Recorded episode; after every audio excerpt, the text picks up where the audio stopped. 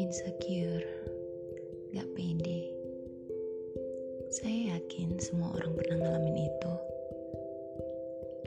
Sebenarnya wajar-wajar aja sih insecure atau gak pede tentang sesuatu. Yang gak wajar itu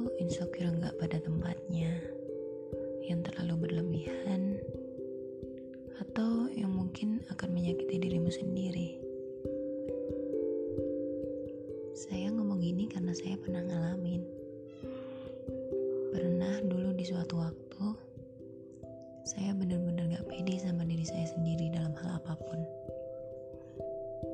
Rasa-rasanya, semua yang ada di dunia ini, semua orang yang saya lihat, selalu lebih dari saya. Tapi belakangan ini saya sadar, ketidakpedean, keinsecurean itulah yang membuat saya semakin lama semakin dihantui oleh rasa bersalah. Ya, rasa bersalah terhadap diri saya sendiri. Sekarang saya mulai mencintai diri saya sendiri. Saya mulai membuka mata lebih lebar. Tapi saya akan menutup telinga rapat-rapat dari mulut orang-orang jahat. Hmm. Saya nggak tahu apakah salah atau enggak kalau saya menyebut mereka orang jahat. Gimana ya? Pernah gak sih kalian bayangin orang yang udah susah payah membangun rasa percaya dirinya tiba-tiba merasa dunianya berakhir saat mendengar ucapan kalian. Misalnya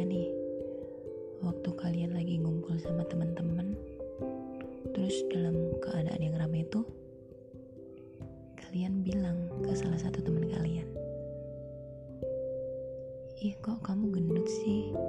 Kok kamu jerawatan sih? Kok kamu sekarang hitam sih? Hmm. Mungkin menurut kalian itu hal sepele, tapi enggak bagi mereka. Kamu gak tahu kan gimana usaha yang dia lakuin. Jangan mentang-mentang kamu udah merasa sempurna, lalu kamu bisa menghakimi orang lain dengan mulutmu yang jahat. Selain dari omongan-omongan orang, saya juga pernah dengar cerita dari teman saya yang ngerasa insecure karena diselingkuhin sama cowoknya. Kok bisa ya? Hmm. Iya, jelas bisa lah. Jadi gini, karena dia sayang banget sama cowoknya, dia berusaha memberikan yang terbaik semampunya. Tapi kalian tahu apa balasan dari cowoknya? Yap, diselingkuin. Iya, saya tahu kalau cinta itu nggak butuh balasan. Tapi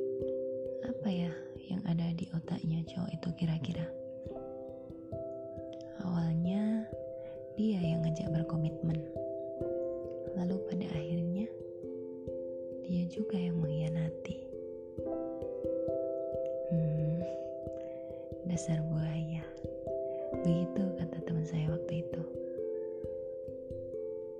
Dari sehabis putus itulah dia selalu menjadi manusia yang merasa paling kurang. Dia selalu merasa nggak pede. Dia selalu merasa insecure. Bahkan pernah dia bilang ke saya, aku jelek banget ya sampai diselingkuhin. Aku kurang baik ya sampai aku dijahatin. Hmm. Saya lalu bilang ke dia, bukan kamu yang kurang, tapi dia. Dia belum bisa bersyukur atas apa yang dia punya. Dia masih merasa kurang dan akan selalu cari yang lebih.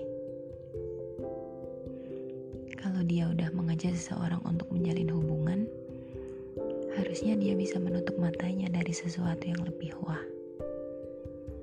Harusnya dia bisa menutup hatinya dari sesuatu yang membuatnya lemah. Nah, tapi mungkin dia lupa. Begitu ucap waktu itu.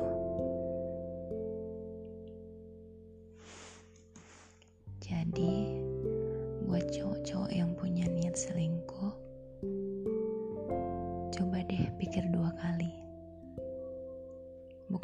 hatinya yang kamu patahkan, tapi mentalnya juga kamu payahkan.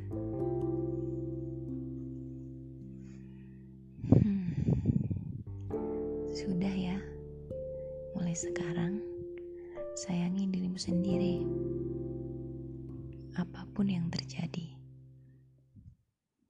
Kamu cantik dengan caramu kok. Kamu tidak harus sempurna.